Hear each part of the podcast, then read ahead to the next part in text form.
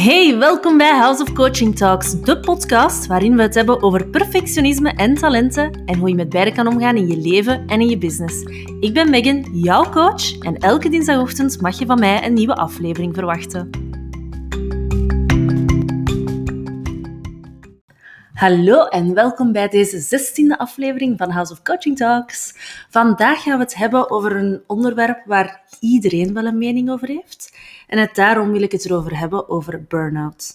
En hoe perfectionisme daar heel vaak aan de basis uh, van ligt. En I'm not gonna lie, tot een paar jaar geleden keek ik op een heel andere manier naar burn-out dan dat ik vandaag doe. Misschien was dat zo vanuit mijn eigen perfectionisme, misschien stak ik daarom mijn kop in het zand. Maar het kwam erop neer dat ik niet geloofde in burn-outs. Ik zal, of ik zag burn-out als een excuus voor luie mensen. Want ik hoorde in mijn omgeving de ene na de andere persoon uitvallen met burn-out. En als ik die persoon dan tegenkwam op straat en die er vrolijk uitzag, ja, dan stelde ik me wel serieus wat vragen. Wist ik veel, omdat ik ook niet wist wat er schuil ging achter burn-out. In mijn hoofd had dat iets te maken met uh, jezelf slecht voelen, een soort depressieachtig. Dus ja, waarom lachen die mensen dan? Allee, ik, ik had van alle bedenkingen daarbij, terwijl ik er helemaal niks over wist. En ik kom zelf uit een gezin waarbij hard werken belangrijk was, of is. En op onze luie kont zitten, dat werd echt niet getolereerd. En die lijn heb ik heel lang zelf ook doorgetrokken. Ik was en ik ben een harde werker, vroeger omdat het moest van mezelf. Anders ging ik nooit iets maken van mijn leven, dacht ik toen. En vandaag omdat ik het graag doe. En dat is een groot verschil. Ik mag hard werken, ik laat het toe als ik er zin in heb. En anders laat ik mezelf ook toe om te chillen en om niks te doen. Maar er was dus een tijd dat ik niks wist over burn-outs, maar er vanuit mijn harde werkersmentaliteit wel met een soort argusogen naar keek. Als ik van iemand hoorde dat hij was uitgevallen met een burn-out, was mijn eerste reactie, allee, weer al iemand die geen zin heeft om te werken. En als ik dat vandaag zo zeg, ik schaam me daar behoorlijk voor. Hè. Maar het was zo, dus daarmee dat ik het ook zo vertel. En ik denk dat er vandaag nog steeds veel mensen zijn die zo naar burn-out kijken. Het is een algemeen feit dat de burn-out-cijfers de voorbije jaren enorm gestegen zijn. En ik ga niet ontkennen of negeren dat er geen misbruik van gemaakt wordt van de term burn-out. Maar wat ik wel echt zie, is dat burn-out ook aanwezig is in onze maatschappij. En daar zijn twee redenen voor. Ten eerste wordt er meer over burn-out gesproken en komt het ook meer in de media. Terwijl dat er vroeger niet over gesproken werd, omdat er een soort taboe rondging, is dat vandaag eigenlijk al steeds meer, allez, steeds meer ingebakken in onze maatschappij en kan er ook over gesproken worden.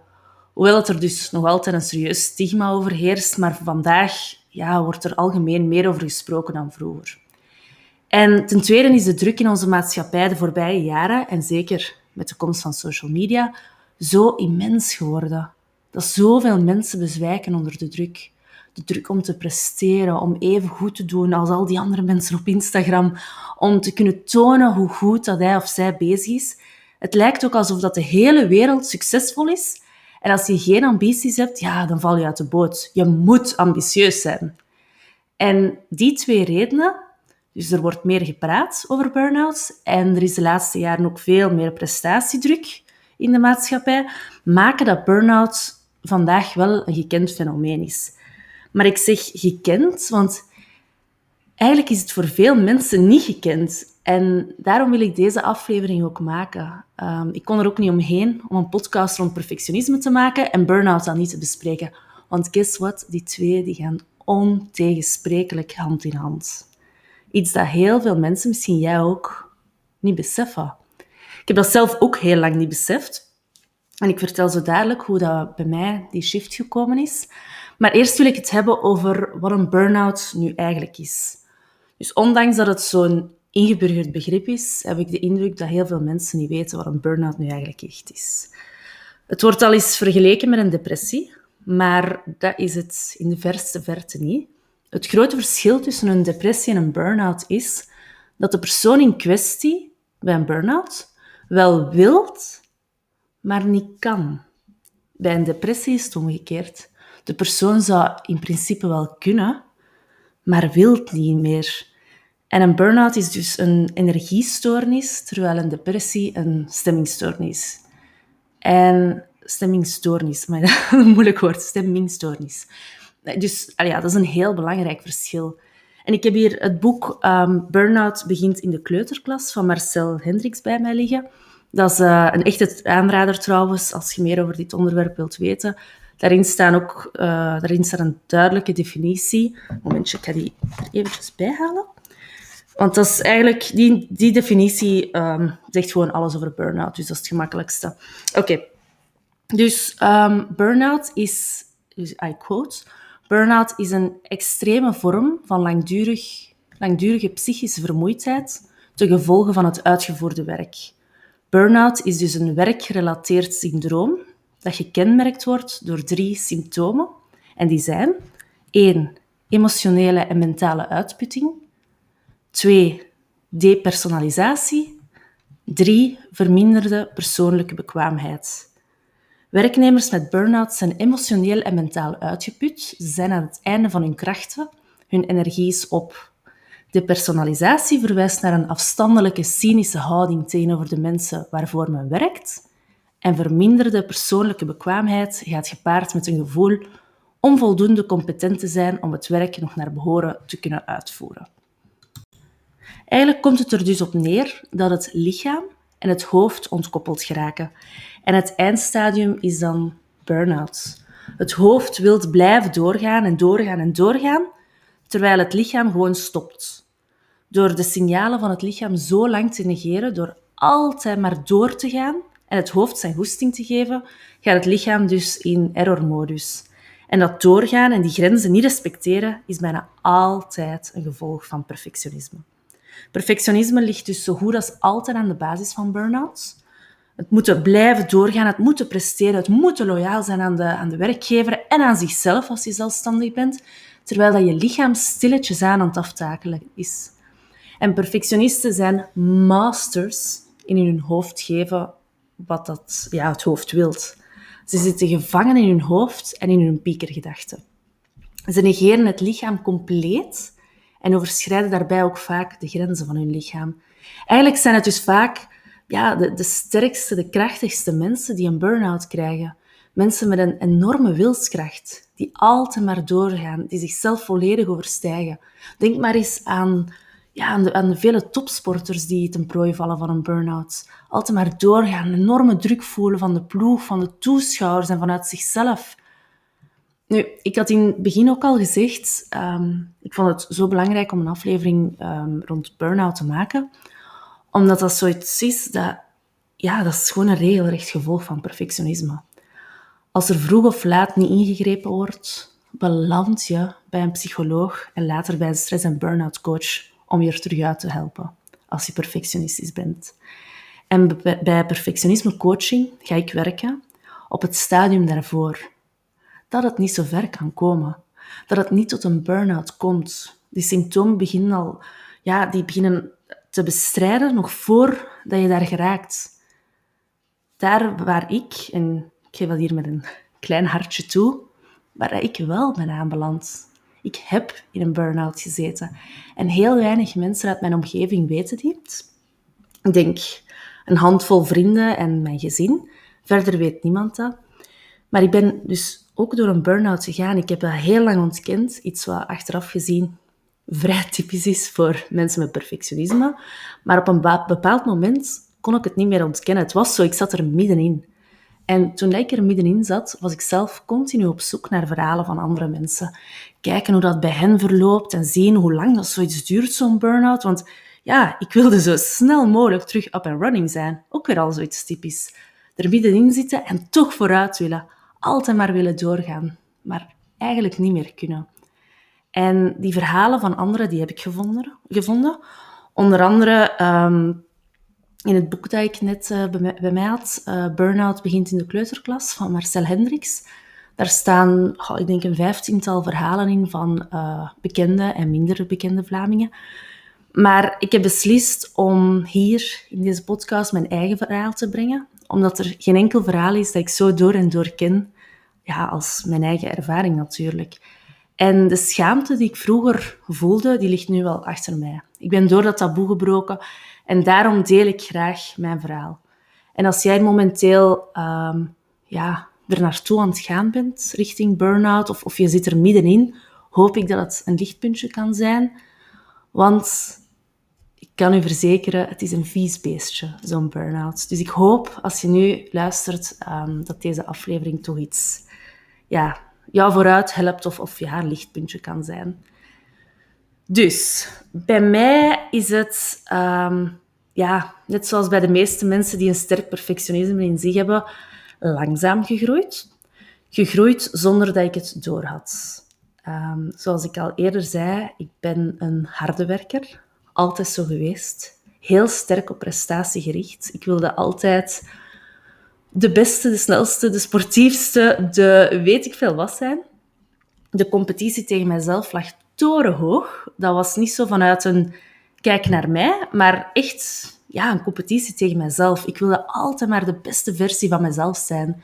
Mezelf bewijzen aan mezelf eigenlijk. En het gezegde van deelnemen is belangrijker dan winnen, ja, zoiets dat komt er bij mij gewoon niet in. Want wie in godsnaam zou deelnemen als winnen niet het hoogste goed is? En daarnaast had ik, of heb ik ook, dat is niet veranderd, heb ik veel interesses. Dat is gewoon zo. Ik ben wat dat ze noemen, denk ik, uh, zonder mezelf in hokjes te steken, maar ik, vond dat, ik zag die een term ooit en ik dacht, ha, kijk eens aan. Dus de term multi-passionate, dat is zo... Terwijl ik echt een persoon was die altijd dacht van, oh, wat is mijn passie? Maar uiteindelijk, ik heb zoveel interesses en ik ben zo nieuwsgierig, ik leer graag bij en ik, ik zie het leven soms misschien wat te rooskleurig en te ambitieus. En terwijl dat ik dat allemaal wel mooie eigenschappen vind van mezelf, weet ik nu ook dat dat ook mijn grootste valkuilen zijn.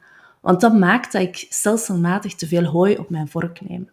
En dat in combinatie met dat perfectionisme maakt dat ik heel gevoelig ben voor burn-outs.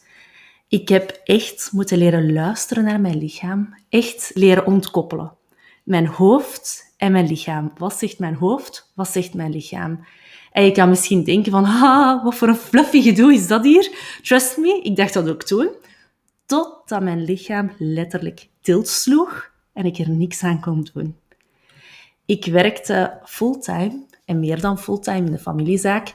Ik had um, overdag mijn werk, maar ook s'avonds. Klanten die s'avonds om een afspraak vroegen, gaf ik wat ze wilden en ik bezocht ze s'avonds. En daarbij combineerde ik ook nog een bachelorstudie van interieurarchitect, waarbij ik één namiddag en één avond per week les volgde. En elke week met één of meerdere zelfs uh, grote deadlines zat. En daar zat ik ook nog eens op mijn kleine kerntalenten te werken. Ik werk absoluut niet graag met mijn handen. En in die opleiding moest ik die ene maquette na de andere maken. I kid you not, er zijn heel veel maquettes gesneuveld. Ik word zelfs kwaad erover praat. Gewoon omdat ik dat zo haatte. Ik haatte dat zo hard. Maar ik zette het toch door, hè, omdat ik gewoon door wou gaan. En ik, ja, ik kreeg eigenlijk ook fantastische ondersteuning van mijn vriend, die me eigenlijk kalmeerde in periodes dat ik maquettes moest maken. Um, ja, en ik zeg mijn vriend, want in die periode is die eigenlijk ook mijn man geworden. Want ja, ik had nog wel 30 minuten per dag over, dus een trouwplannen kon er ook wel nog bij. En ja, ik deed, ik deed alles om zowel mijn privé als mijn werk perfect te doen. Tijdens mijn laatste jaar van mijn opleiding deed ik er ook nog eens een opleiding fotografie bij.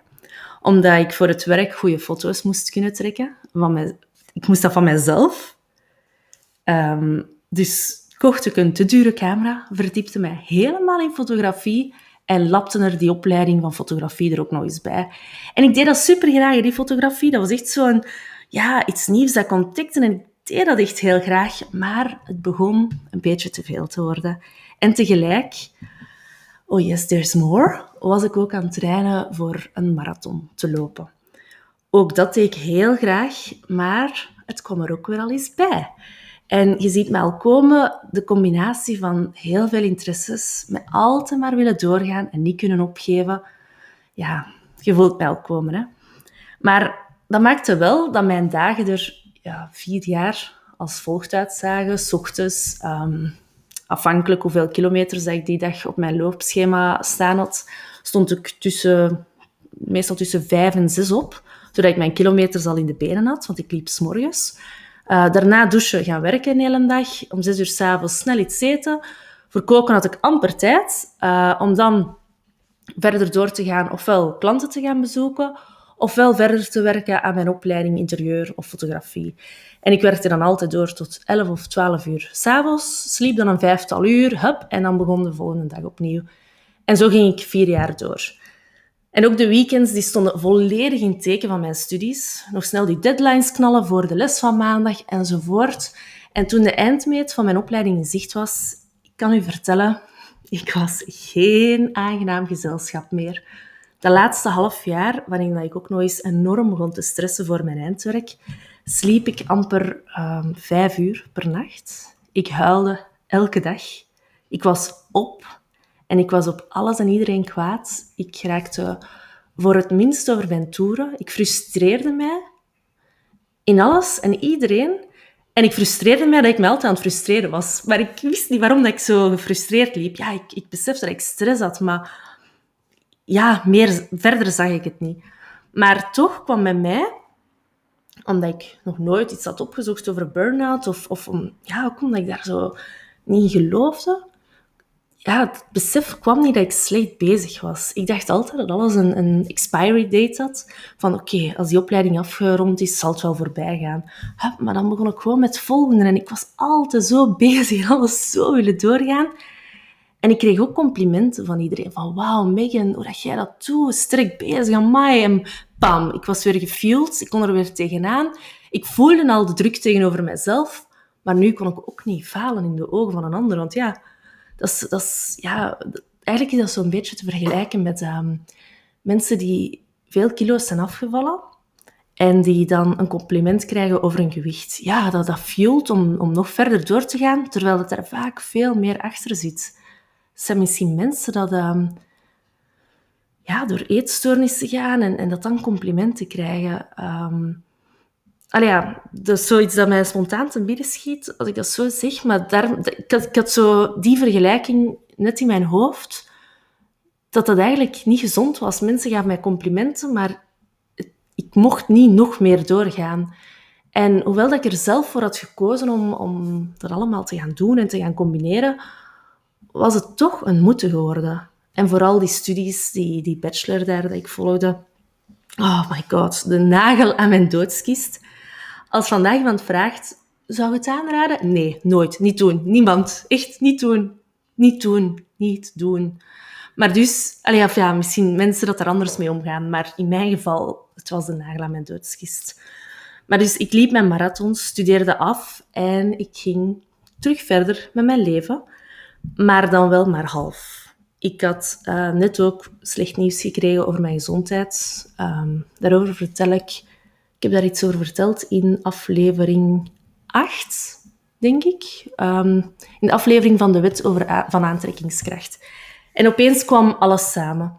Ik heb het nog heel eventjes getrokken, maar een 9 à 10 maanden later was ik op.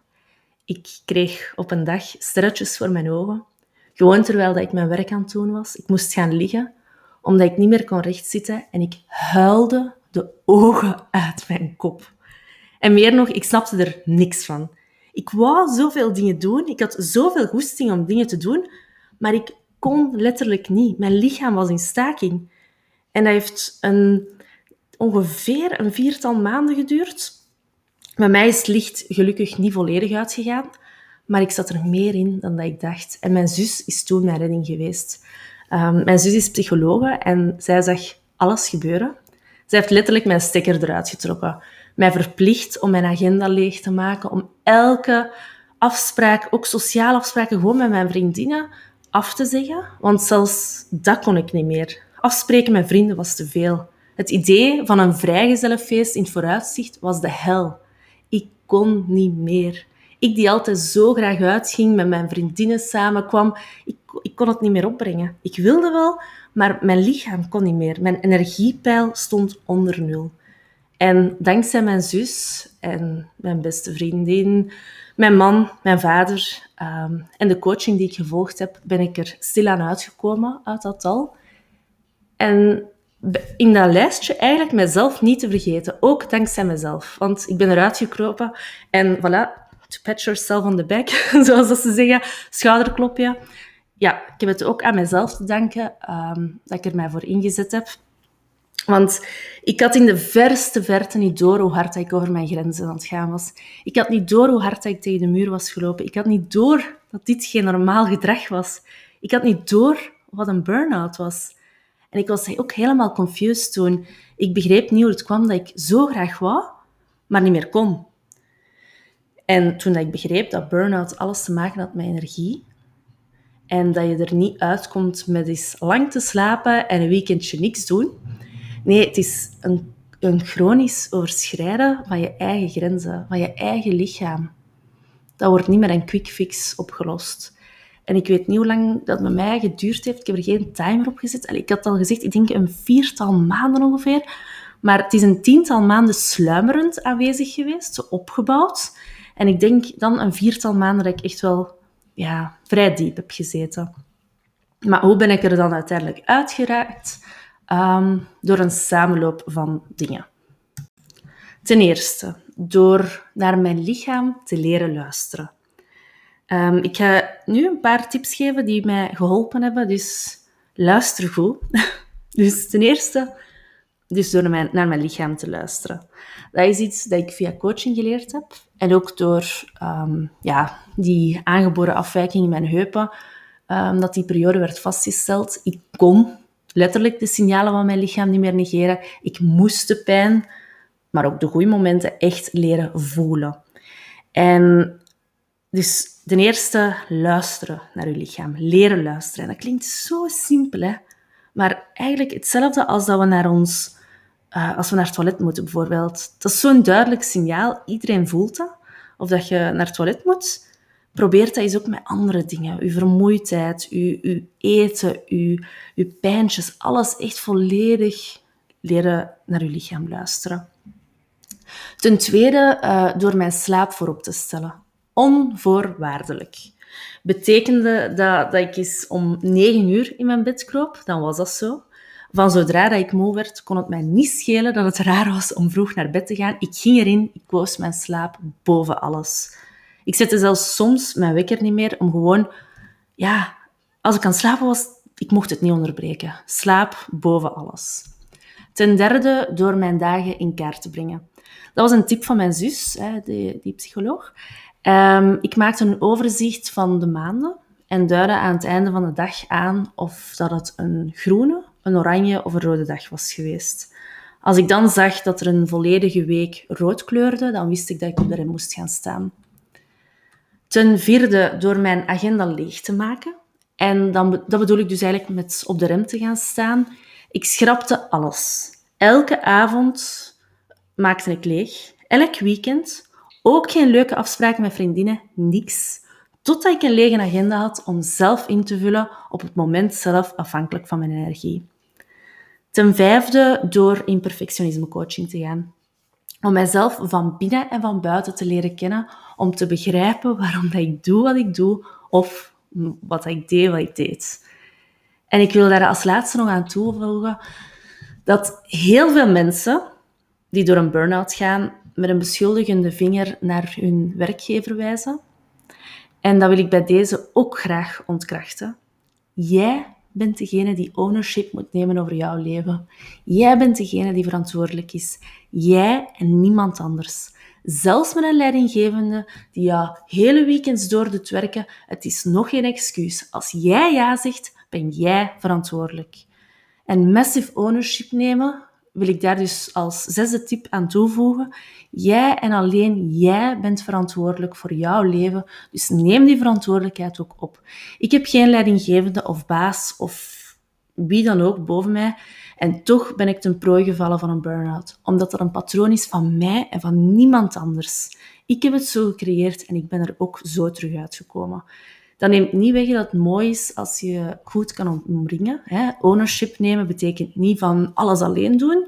Nee, ik heb heel veel steun gehad van mijn naaste omgeving, wat op zo'n moment enorm waardevol en nodig is. Maar de bal lag wel in mijn kamp om eruit te komen. Hoe vaak dat ik tegen mijn zus mij verzet heb. Ik wilde mijn agenda niet leegmaken. Ik wilde doorgaan, want het was toevallig eens een groene dag. Dus ik kon, ik dacht dat ik de wereld aan kon. Maar in die end heb ik toch ingezien dat ik ownership moest nemen. Dat ik ervoor moest zorgen dat ik eruit geraakte. Anders was ik voor een veel langere periode vertrokken. En zo ben ik er ook uitgeraakt. Dus ik herhaal nog eens heel snel de zes tips die ik persoonlijk heb voor met een burn-out om te gaan. Die werkten voor mij. Zeg niet dat die voor jou werken, maar luister eens naar. Moest je er ooit geraken, moest je er nu middenin zitten, bekijk het eens. Misschien heb je er wel iets aan. Dus één, naar je lichaam leren luisteren. Twee, je slaap onvoorwaardelijk voorop stellen. Drie, je dagen in kaart brengen met kleurencodes. Vier, je agenda leegmaken om in functie van je energie op het moment zelf te kunnen indelen. Vijf, in perfectionisme coaching gaan om jezelf van binnen en van buiten te leren kennen en om te leren luisteren naar je lichaam. Zes, zelf massive ownership nemen. Jij bent verantwoordelijk voor jouw leven en niemand anders. En zo wil ik deze uh, aflevering graag beëindigen. Heb jij nog vragen of wil je iets kwijt? Stuur mij dan alstublieft. Wacht niet of, of schroom niet. Stuur mij gewoon een berichtje, een privéberichtje via Instagram op houseofcoaching.be of stuur mij een mailtje op info@houseofcoaching.be. Blijf er niet mee zitten en stel gewoon al je vragen. I'm here to help. En vond je deze aflevering interessant? Laat het mij dan ook zeker weten via een privéberichtje of deel deze aflevering um, via ja, via een screenshot of, of via welke manier dan ook, zodat je er ook andere mensen mee kan vooruit helpen. Bedankt om vandaag te luisteren en heel, heel graag tot de volgende!